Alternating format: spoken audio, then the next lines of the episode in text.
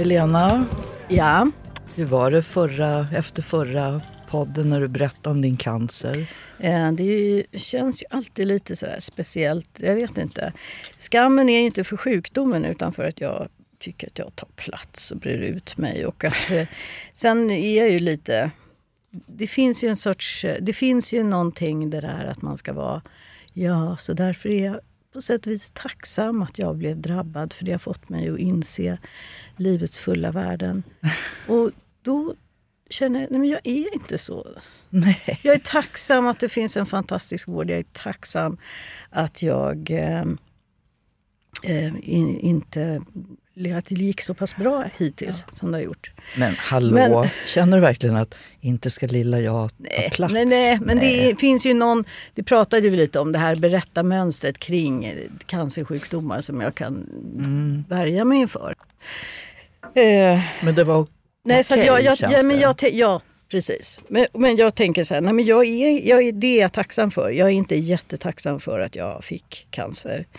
Eh, för att jag tycker att jag, hade jag tryck, kunnat trycka på två knappar så hade jag sluppit. Mm, förstås. Ja, fast jag tycker många pratar om sådär att de är tacksamma för de upplevelser de har fått av det de har råkat ut för och så vidare. Jag Nej, tror ju vet inte riktigt på det. Men, ja. Nej. Man är Men det tacksam om man överlever och att Ja, man mår precis, bra. Och så, exakt. att man har klarat av det. Ja. Det är ju en sak. Mm. Men man skulle väl gärna slippa. Ja, Om man absolut. kunde. absolut. Nej, men så nu har jag börjat äta min medicin och eh, det är lite sådär, man får lite ont i lederna och eh, man får ner siffrorna för bröstcancer idag. Det har ju en orsak så att säga. Det är för att vi har så bra, vi har förstått vilken typ av mediciner vi ska liksom, ordinera. Jag kände att jag hade blivit lite, tappat lite respekten, vilket kan ju kan vara någonting som händer när man läser att idag fixar vi så mycket cancer. Så att det kan ju bli lite sådär, ja, ja, ja, Mm. men då så. Ja, Men eh, nu tar jag all medicin och all, gör allt som man ska. Men jag vill också passa på att tacka för det är människor som har hört av sig till mig. Och, eh, eh, det, är, ja, det är fint. Tack. Ja, men annars tycker jag att det har inte varit någon, det här är inga roliga dagar. Nej. Vet du, jag tänkte så här, om jag börjar fråga dig så här. För 12 år sedan, kommer du ihåg vad du gjorde då? Jag tror att jag var på väg in i någonting som var ganska jobbigt. Jag vet att jag liksom gled in i en utmattningsdepression som kulminerade 2014. Men vet du varför jag frågar? Nej. För eh, min, min mamma påminde om det många gånger och sa så här. Tänk Mona, du föddes 1957 och det är bara 12 år efter att andra världskriget slutade. Mm. Ja, därför tänker jag ofta de där 12 åren som Mm. för många är väldigt korta. Och man minns ofta på ett ungefär vad man gjorde och vad som hände sen. Absolut. Jag, Så då tänker jag tillbaka inte minst den här jobbiga, jobbiga dagarna, veckorna med, med allt som har hänt nu i Israel och Palestina. Och jag känner en sån, jag vet inte, hopplöshet nästan. Jag har ju varit i Israel och Palestina många gånger. Eh, och hört till de där som alltid har tänkt, jo men någon gång lär vi oss väl något av det som har varit. Eh, och när jag blev ansvarig för att bekämpa extremismen, både inom vänster och höger och islamismen, så var det en sak som förenade alla de här tre extrema rörelserna och det var hatet mot judarna. Det fanns hos högern, hatar alltid judar, nazisterna, islamisterna hatar judar. Och inom vänstern fanns det många grupper som hatade Israel så mycket så att det slog över till att också där bli ett hat mot judar. Och jag kom att tänka på när jag satt och pratade med en av dem som hade varit premiärminister i Israel som också var, hade varit försvarsminister innan. Och han var ledare för Labourpartiet som är Socialdemokraternas eh, systerparti. Och då satt jag och pratade med honom för då hade jag precis varit nere i Sederot, en av de här små, små städerna som ligger precis utanför Gaza. Och där det hela tiden, alla de här åren, har regnat raketer till och från. Och förstås också, när vi var där, då stod vi i en skola. Och så sa de då, ja om det kommer ett eh, raketlarm här så då har ni 20 sekunder på er. Så leta upp en vägg som inte har fönster. Och förstås efter några minuter så kom raketlarmet och, och vi virrade runt där och hittade, och hittade ingenting förrän det plötsligt var över. Mm. Men det fascinerande var alla barnen i skolan där, de tittade inte ens upp. De fortsatte äta mm. sin lunch. Och jag var väldigt skakad. Tänkte hur, hur och varför? För sen regnade det lika många raketer åt andra hållet, ner i Gaza. Och där satt ju också barn i skolor. Men i alla fall, när jag satt och pratade med den här Ehud Barak som är liksom försvarsministerman. Så här. Och så tittade han på mig efter ett tag och sa han, men du Mona, jag måste bara fråga. Om man ska förstå Israel så måste man fråga så här. Har du någonsin dödat en annan människa? Eh, nej, sa jag förstås. Mm. Nej, men då förstår man inte krig, sa han. Och då kommer jag ihåg att jag tittade på honom och sa, ja, men du, jag har förlorat ett barn. Mm. Och jag tror den erfarenhet är minst lika viktig om man ska förstå krig. Mm. Och det var enda gången han tystnade lite. Men jag mår så fruktansvärt illa av alla bilder nu på där judar återigen blir, blir jagade. Det är fruktansvärt. Och jag är kritisk mot Israel på många ja. sätt, men det har ju ingenting med det här att göra. Nej. Att bli jagad som jude. Ja. Och jag kan bara inte komma bort ifrån den här bilden av en ung vacker tjej som var en av alla på den här musikfestivalen. Ja. Som slängdes upp på en motorcykel mellan två Hamas-soldater och sen kördes tvärs över gränsen in i Gaza. Ja. ja det... Och då tänker man ibland, vad sjutton, vad gör vi? Ja. Jag har hängt med mina barnbarn nu några dagar och jag finner mig själv flera gånger bara sitta och titta på dem och tänka, vad har vi gjort med deras framtid? Vad, vad gör vi? Mm. Och så blir jag arg på mig själv, hela den här politiska varelsen. Så framtiden det är typ nästa val. Mm. Men de här gångerna när det verkligen är framtiden. Mm.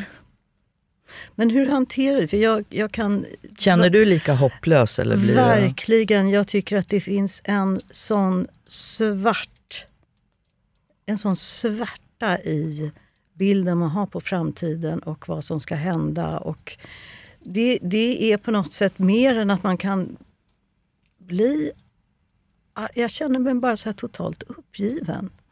Och jag tycker det är så skönt att vi sitter här idag och kan prata om det. Hur man ska hantera det, för det är naturligtvis varken din, ditt eller mitt problem. Jag menar, vi tycker det är obehagligt, men vi är inte där, vi lider inte och så vidare på det sättet. Men vi är ju ändå del av denna värld där man känner att allting håller på att gå käpprätt åt skogen. Men det är därför jag ofta och, börjar med liksom de här stora fasansfulla krigen. Mm. Inte minst då andra världskriget för oss i mm. Europa. Det, det, är ju så nära, det var så fruktansvärt. Det, eh, man har ju den här bilden fortfarande av att ja, men vi lär oss av historien, vi mm. upprepar inte misstagen. Och nej, vi fortsätter ju ja. upprepa varenda jävla misstag som finns att begå.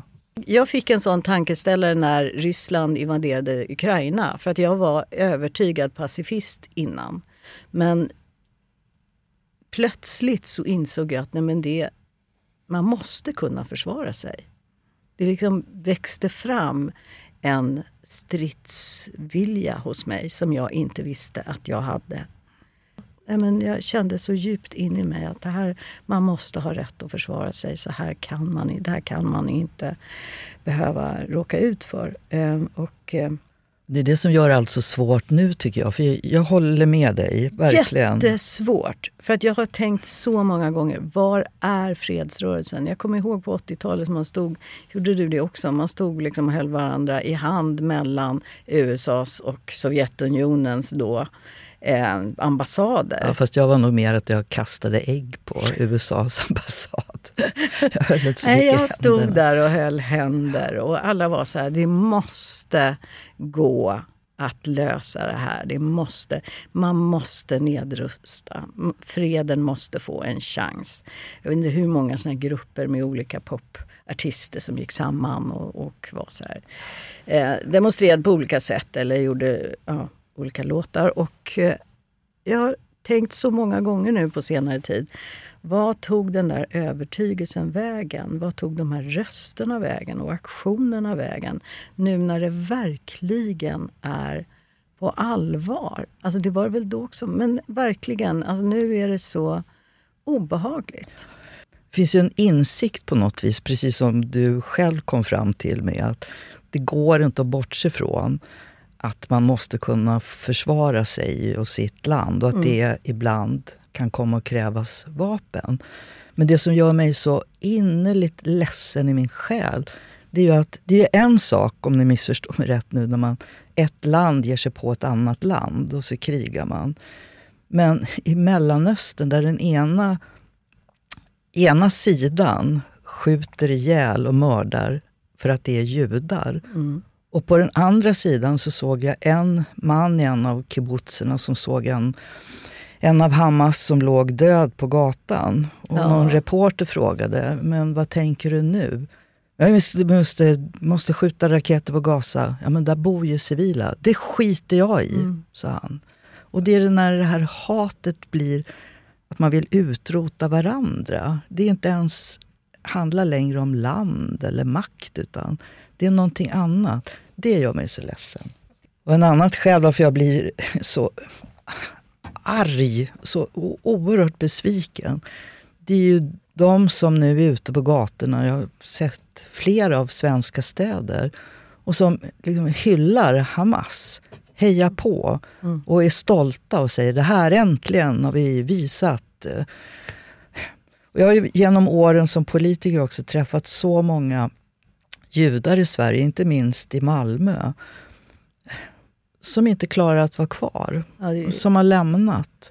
Och jag blev så berörd en gång när det var en ung judisk lesbisk tjej som skulle gå hem ifrån Pride-festivalen i Stockholm. Mm. Och hon sa att för några år sedan så vågade inte hon hålla sin flickvän i handen när de gick därifrån.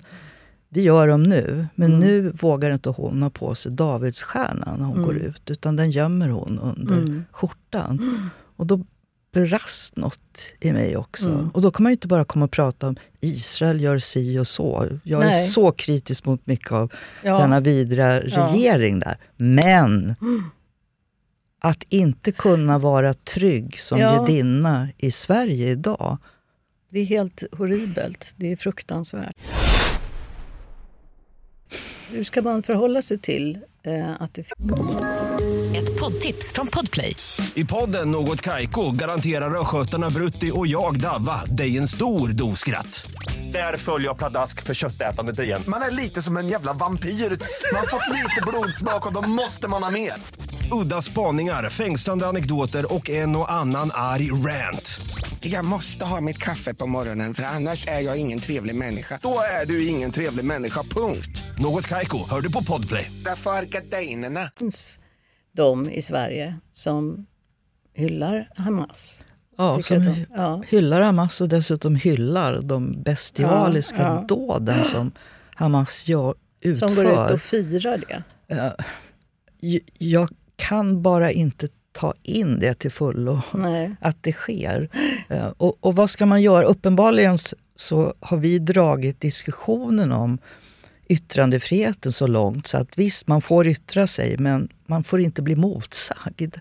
Eh, Nej. Utan det har blivit liksom en tystnad runt ja, oj, oj, oj, ja, det är yttrandefriheten. Man får ju inte låta hyllandet av Hamas stå oemotsagt. Nej. Och dessutom, så många känner väl vi alla palestinier som hatar det som sker nu, som hatar Hamas, mm. som fortfarande mm. hade en hopp och tro om att det fanns en demokratisk möjlighet på Västbanken mm. med en palestinsk stat och så mm. vidare. De är ju förvånansvärt tysta nu. Mm. Inte bara de på Västbanken utan också de i Sverige. Om man inte får gå med nazistflaggor på stan så är det väl inte rimligt att man får hylla Nej. en terrororganisation som är ute efter att, och inte bara säger utan faktiskt dessutom skjuter ihjäl och mördar ja, ja. kvinnor, barn, bara av ett skäl. Ja. Att de är judar. Eh, jag är inte främmande för att man säger att eh, de, de nazistiska symbolerna är redan idag förbjudna. Mm, Man får inte... eh, Nordiska motståndsrörelsen till exempel, deras symboler får man inte visa. Därför Nej. att de kopplas till att det är hets mot folkgrupp. Mm. Ja men det måste väl vara samma med Hamas. Mm. Så att man, man måste betrakta de här terrororganisationerna som det hot mot mänskliga värden som är hela Mm. avsikten med vår lagstiftning. Så tycker jag. Ja, jag kan, inte jag kan inte annat än att hålla med dig. Vet du, det enda som gjorde mig lite hoppfull var att ett av mina barnbarn som alltid tittar jättemycket på nyheterna och som ju hade massor med frågor. Vad gör de och varför? Och, men vad, vad är en jude? Vad, vad är det för något? Och eh, hen blev så intresserad så hon har börjat läsa nu Mm. på nätet på bra sidor som jag hjälpte henne med. För hon ville förstå. Mm. Varför hatar de varann så himla mycket? Mm. Och det är någonstans det enda som man själv kommer ihåg någonstans när man var liten och hoppfull. Ja, Att bara man lärde sig saker och bara man förstod så kunde man också rätta till det. men det är ju någonting med det här lära sig som har fått en eh, annan sorts eh, eh, klang nu för tiden. Det är som att man tror det här att lära sig är mycket mer vanskligt än vad det varit tidigare. Den trygghet som att, när man säger just läsa på, som jag kunde känna tidigare, den känner jag inte på samma sätt idag. Om en ung människa säger till mig, jag har faktiskt läst på, då blir jag genast Ja, då börjar jag undra, så här, vad har du läst? Var har du hittat det någonstans? Säger vem? Och så vidare. Exakt. Gissa vad jag letade på nätet för att hitta sidor där det gick att föra Ja. kunskap Jag undrar om om det saker där och är en ting. del i, i va- vanmakten man känner, att, inte ha, att man inte längre har den här eh, tryggheten i eh, att det finns en eh, det finns en sorts sanning, det finns en sorts konsensusupplevelse av vad som faktiskt eh, sker. Och vad som är rätt och fel. Någonstans Den- hade jag nog hoppats att såna här vidrigheter eller klimatkrisen som, som är så uppenbar för alla, att när, när man når liksom kanten på, på ett stup, Mm. att då är det ändå fler som liksom stannar upp där och vänder sig om och säger, men vänta nu, hur har vi hamnat här? Vad ska vi göra nu? Jag hyser väl någonstans fortfarande ett hopp om att när det är för jävligt Mm. eh, så tvingas fler av oss också fråga oss själva, vad sjutton hände? Men det är återigen den där kanten som du nämner. Det är ju många som säger det då, det finns ingen sån kant. Nej, så är det. Ja. Men jag, just nu struntar jag i dem. Nu försöker jag hitta de där som Ja. vänder sig vid Ja. kanten och ändå försöker gå åt ett annat håll. Ja. Och då tror inte jag att inte våga ta fighten med Hamas-förespråkare också i Sverige. Ja. Att inte våga säga det där är fel, det där är farligt, Ja. du har inte rätt. Nej. Det måste vi säga Ja. nu. Och inte hela tiden, för jag hör ju på många av kommentarerna, jo men det är synd om palestinier, och det är det verkligen. Men man urskuldrar inte våld genom Nej. att prata om andras våld. Och det där kan också irritera mig när jag hör att man, man säger så här, ja, men man måste förstå bakgrunden. Mm. För jag tycker att det finns ju ingen terrorhandling överhuvudtaget där man inte kan säga det. Man kan förstå bakgrunden. Det är klart att det finns en bakgrund. Det finns det ju alltid. Det finns ju ofta en bakgrund i en typ av orättvisa. Så att det är egentligen inte det man pratar Nej, om. nej. Utan det är själva agerandet. Det är just själva terrorhandlingen. Att tycka Mm. att det är värt att, att, liksom strun- att döda civila på det sättet. Och att, att det fortfarande idag i Europa, vad jag läste det? Det var EU som hade gjort någon...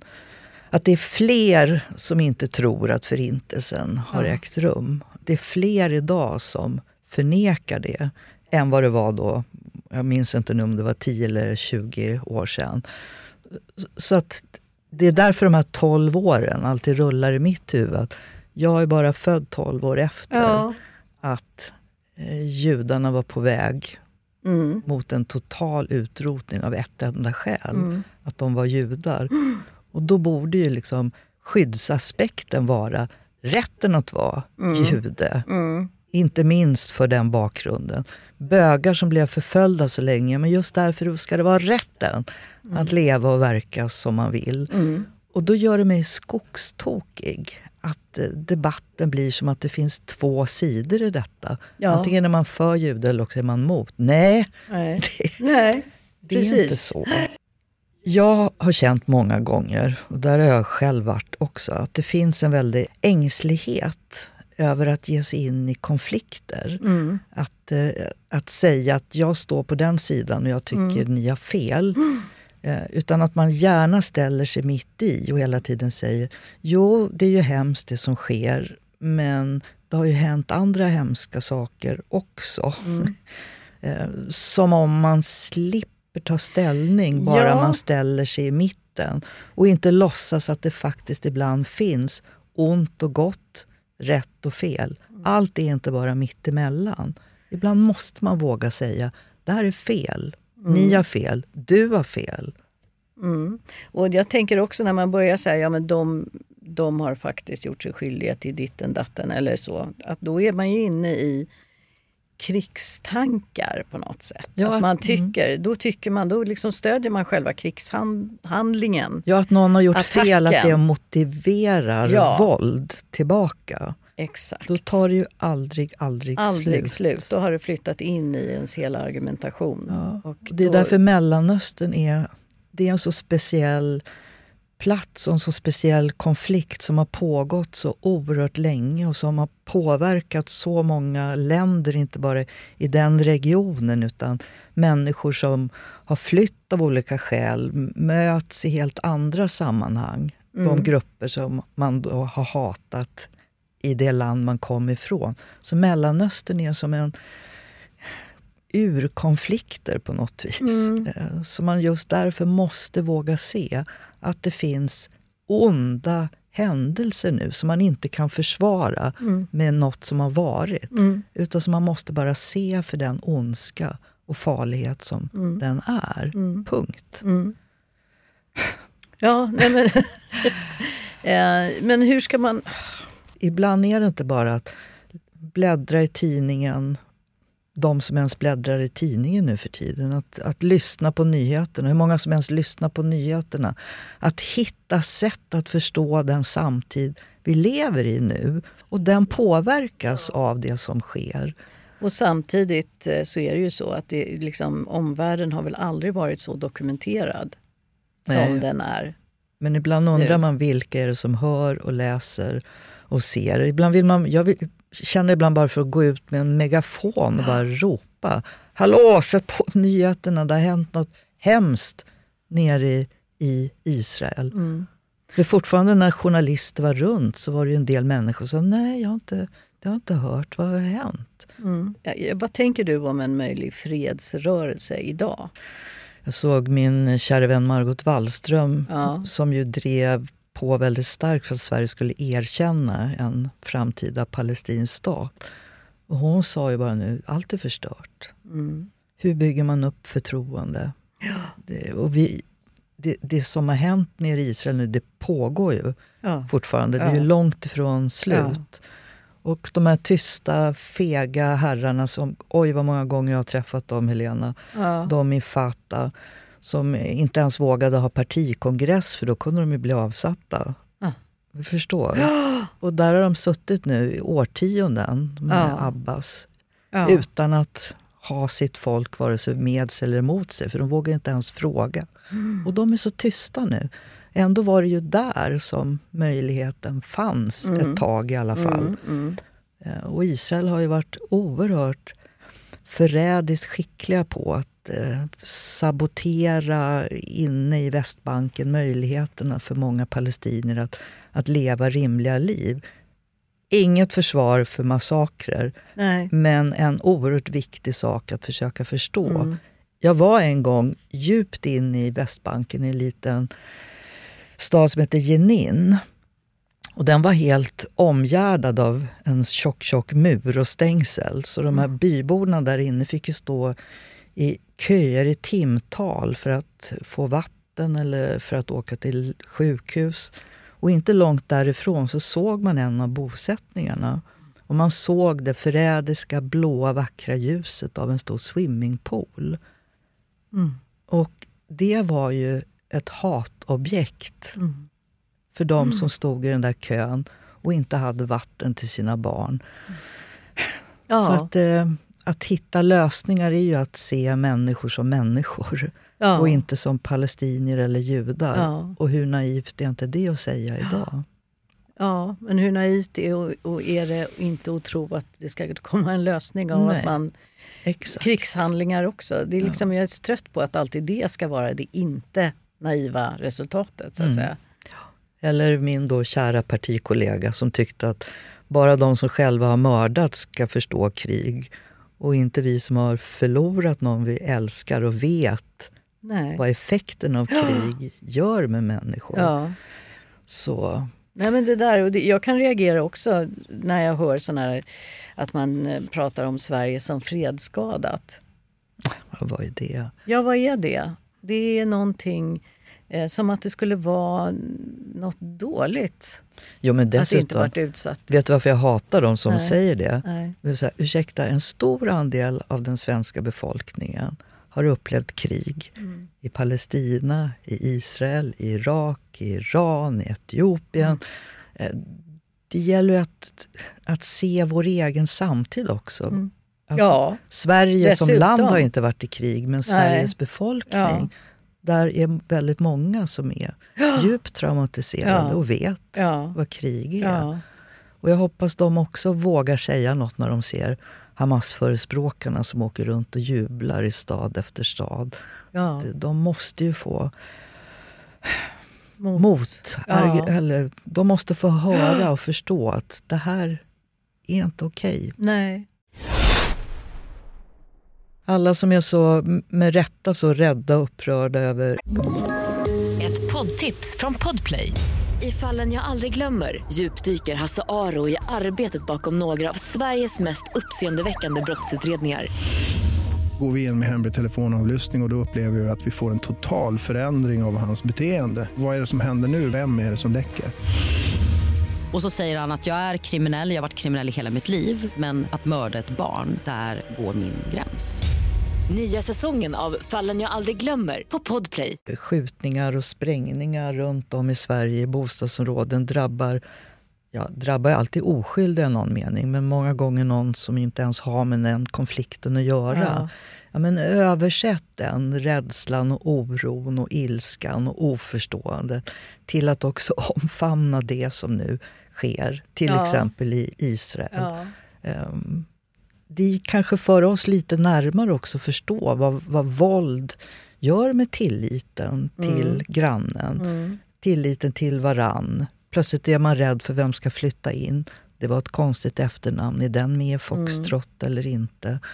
Eh, det är ju, megafonen handlar ju lite om det, tycker jag. Att man måste fatta vad som händer. Och inte att det är långt borta och därför så spelar det ingen roll för oss. Sån är ju inte världen Nej. längre. Men nu finns det ju förslag från Sverigedemokraterna, eller jag vet inte hur förankrat det är inom partiet, men Jimmy Åkesson har varit inne på det, att man ska kunna utvisa eller ta tillbaka medborgarskapet för de som har hyllat Hamas eller som är, liksom, förespråkar den terrororganisationen. Vad tänker du om det? Jag tycker det är ett vansinnigt förslag. Ja, Livsfarligt, Ja. galet, tokigt. ja, Alltså ett medborgarskap... ja men dels eh, dels tänker jag så här, är det ju en åsikt som jag tycker är förskräcklig.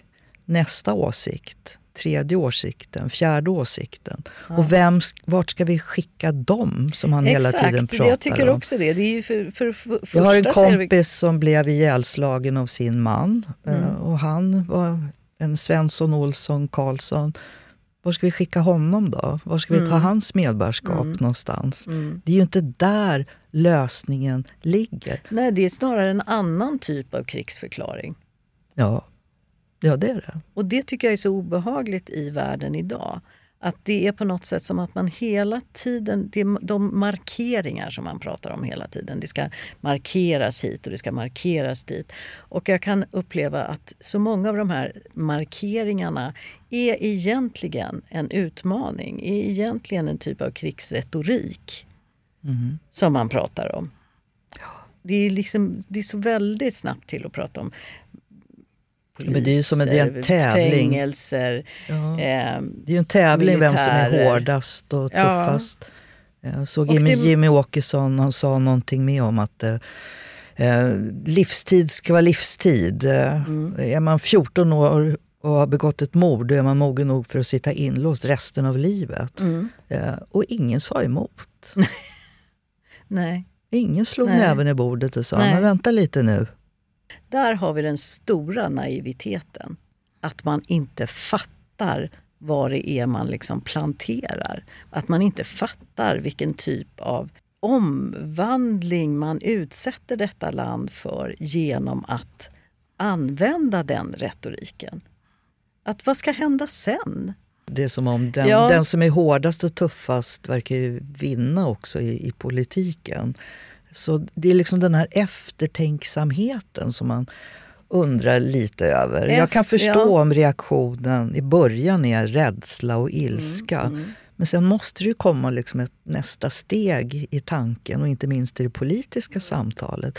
Men sen då? Mm. Och, och hur gör vi så att det är färre 14-åringar som Mm. tycker att det är en rimlig väg att hänga med Jo, gänget? men för att ett moget eh, sätt att hantera saker det är ju att tillåta sig själv en första reaktion och tycka just att någonting är för jävligt. Man får de där impulserna att slå den idioten i huvudet, bla bla bla. Så har man ju samtidigt en sorts erfarenhet av, eller insikt om, att det leder ju ingenstans. Det leder bara till tvärtom. Och det finns så mycket med de här Eh, den här, liksom, om man just ska prata om signalpolitik eller markeringar så, så är ju det en typ av annan, alltså man är inne på att göra en typ av annan sorts markeringar. Alla, liksom, alla dras över en kant.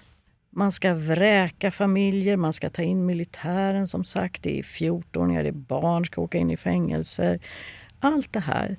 Och det är ju hela tiden en signalpolitik också. Som bo, de tror verkar på ett sätt och det är där jag tänker det är naivt att tro att det, liksom, det kommer hjälpa för det kommer bli precis tvärtom.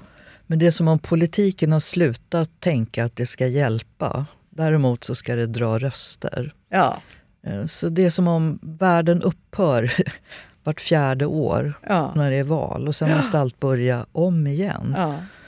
Så därav att jag tog upp det här ämnet med. För ibland känns det som den här uppgivenheten och hopplösheten. Man måste igenom den. Man måste, man måste ta den på allvar för att kunna hitta en annan väg ut. Jag är inte där än.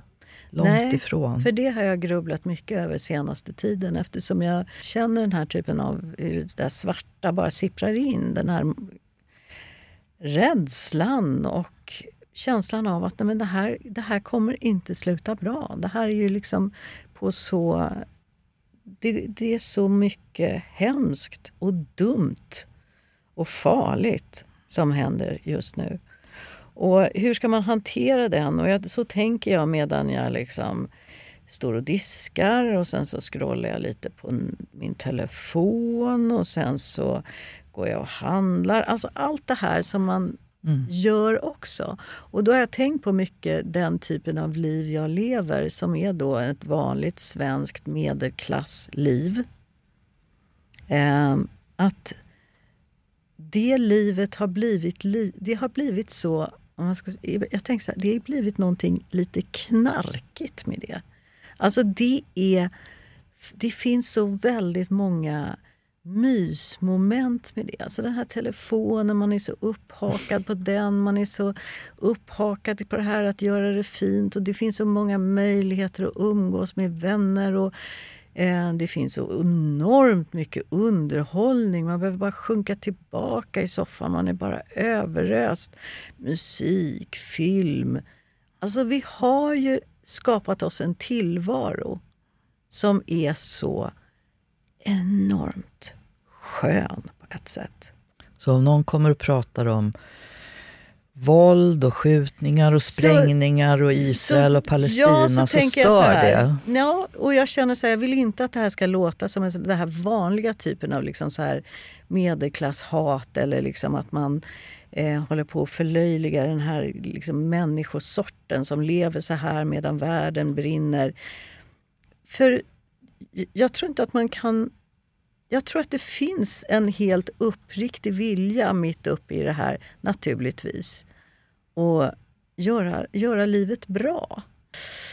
Ja, det är svårt. Och jag, jag, känner själv att jag bara jag går omkring och tänker vad kan jag göra, vad kan jag göra, vad kan jag göra och hur kommer det här gå till historien? Det här kommer gå till historien om att det fanns en typ av människor som liksom under tiden hela den här katastrofen då trappades upp så gick man och kollade på sin liksom, telefon och kollade på tv-serier och fixade sina ögonbryn och gjorde en massa saker. Och var genuint oroad och olycklig. Men av någon anledning inte hittade rätt i sin liksom vilja att ändå göra någonting bra, att för, förändra något eller jag tycker att man kan se det ändå så här på vissa grejer. Man kan se det på att det finns en vilja att till exempel eh, sortera sopor. Det låter så fjuttigt. Nej men att tänka att göra medvetna miljö, mm. bra miljöval. Mm. Absolut. Det finns ändå en vilja att inte eh, vara en skithög och en rasist. Den viljan sitter ju kvar hos de flesta. Och... Jag äls älskar dig Helena. ja, men jag gör det. Och, men det jag har känt med mig själv, som jag börjar ja. gilla mig själv, är att ja. jag tillåter mig att bli så jävla arg ibland. Ja. Och i morse när jag kom med, med tåget från Hultsfred mm. eh, så släpade jag på väskorna och så kom jag ner och skulle ta tunnelbanan. Man går där med tunga väskor och drar. Och så är det en herre som står och så får han syn på mig. Jag verkligen ser hur hans ansikte blir liksom fyllt av avsmak. Och så när jag går förbi så säger han bara usch, fy fan, säger han till mig. Och, du vet, och jag vände mig om och sa bara, ja fy fan, visst är det förskräckligt med världen idag. Visst är det hemskt alla krig som sker. Det är folk tysta. Det är verkligen, usch, fy fan. Och så gick jag. Bravo! Och det var liksom, då tänkte jag, ja, Bravo. ja. tänk om man kunde liksom ja. vara arg. Ja, exakt. och fräsa ifrån. Ja, jag tänker på den där eh, Dagman-dikten som eh, den är sådär. Världen kan du inte göra om. Stilla dig min häftiga själ kanske. Endast ett kan du göra, en annan människa väl. Och det där tänker jag också på. Att vad, vad kan man göra? Man kan ju faktiskt alltid försöka just agera med civilkurage, agera med vänlighet. Eller ilska. Eller ilska. Ja, och det är det lite jag menar med civilkurage. Ja. För det visade ju du där. Verkligen. Du är ju världsbäst på det. Ibland. Ja, men du är det. Du är modig ja. på det. Vad skönt ja. det här var. Ja, det var skönt det var. Och, eh, men samtidigt som sagt, det fortsätter utom. Men, ja. man, men man måste tänka på det här att vara en vänlig människa, att vara en ödmjuk människa inför andra människors resor och öden. Och eh, ja, göra vad man kan i det lilla. Ja, våga föra allvarliga, svåra samtal ja. där det inte finns enkla lösningar och enkla vägar ut. Våga komplicera ja. och bli förbannad när det behövs.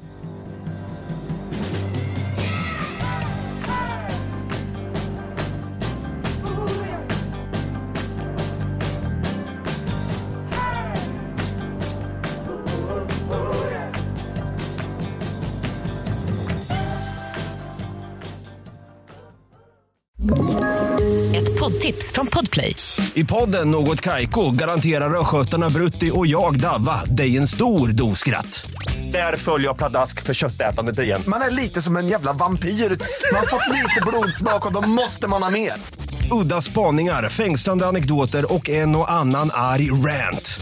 Jag måste ha mitt kaffe på morgonen för annars är jag ingen trevlig människa. Då är du ingen trevlig människa, punkt. Något Kaiko, hör du på Podplay. Därför arkadeinerna.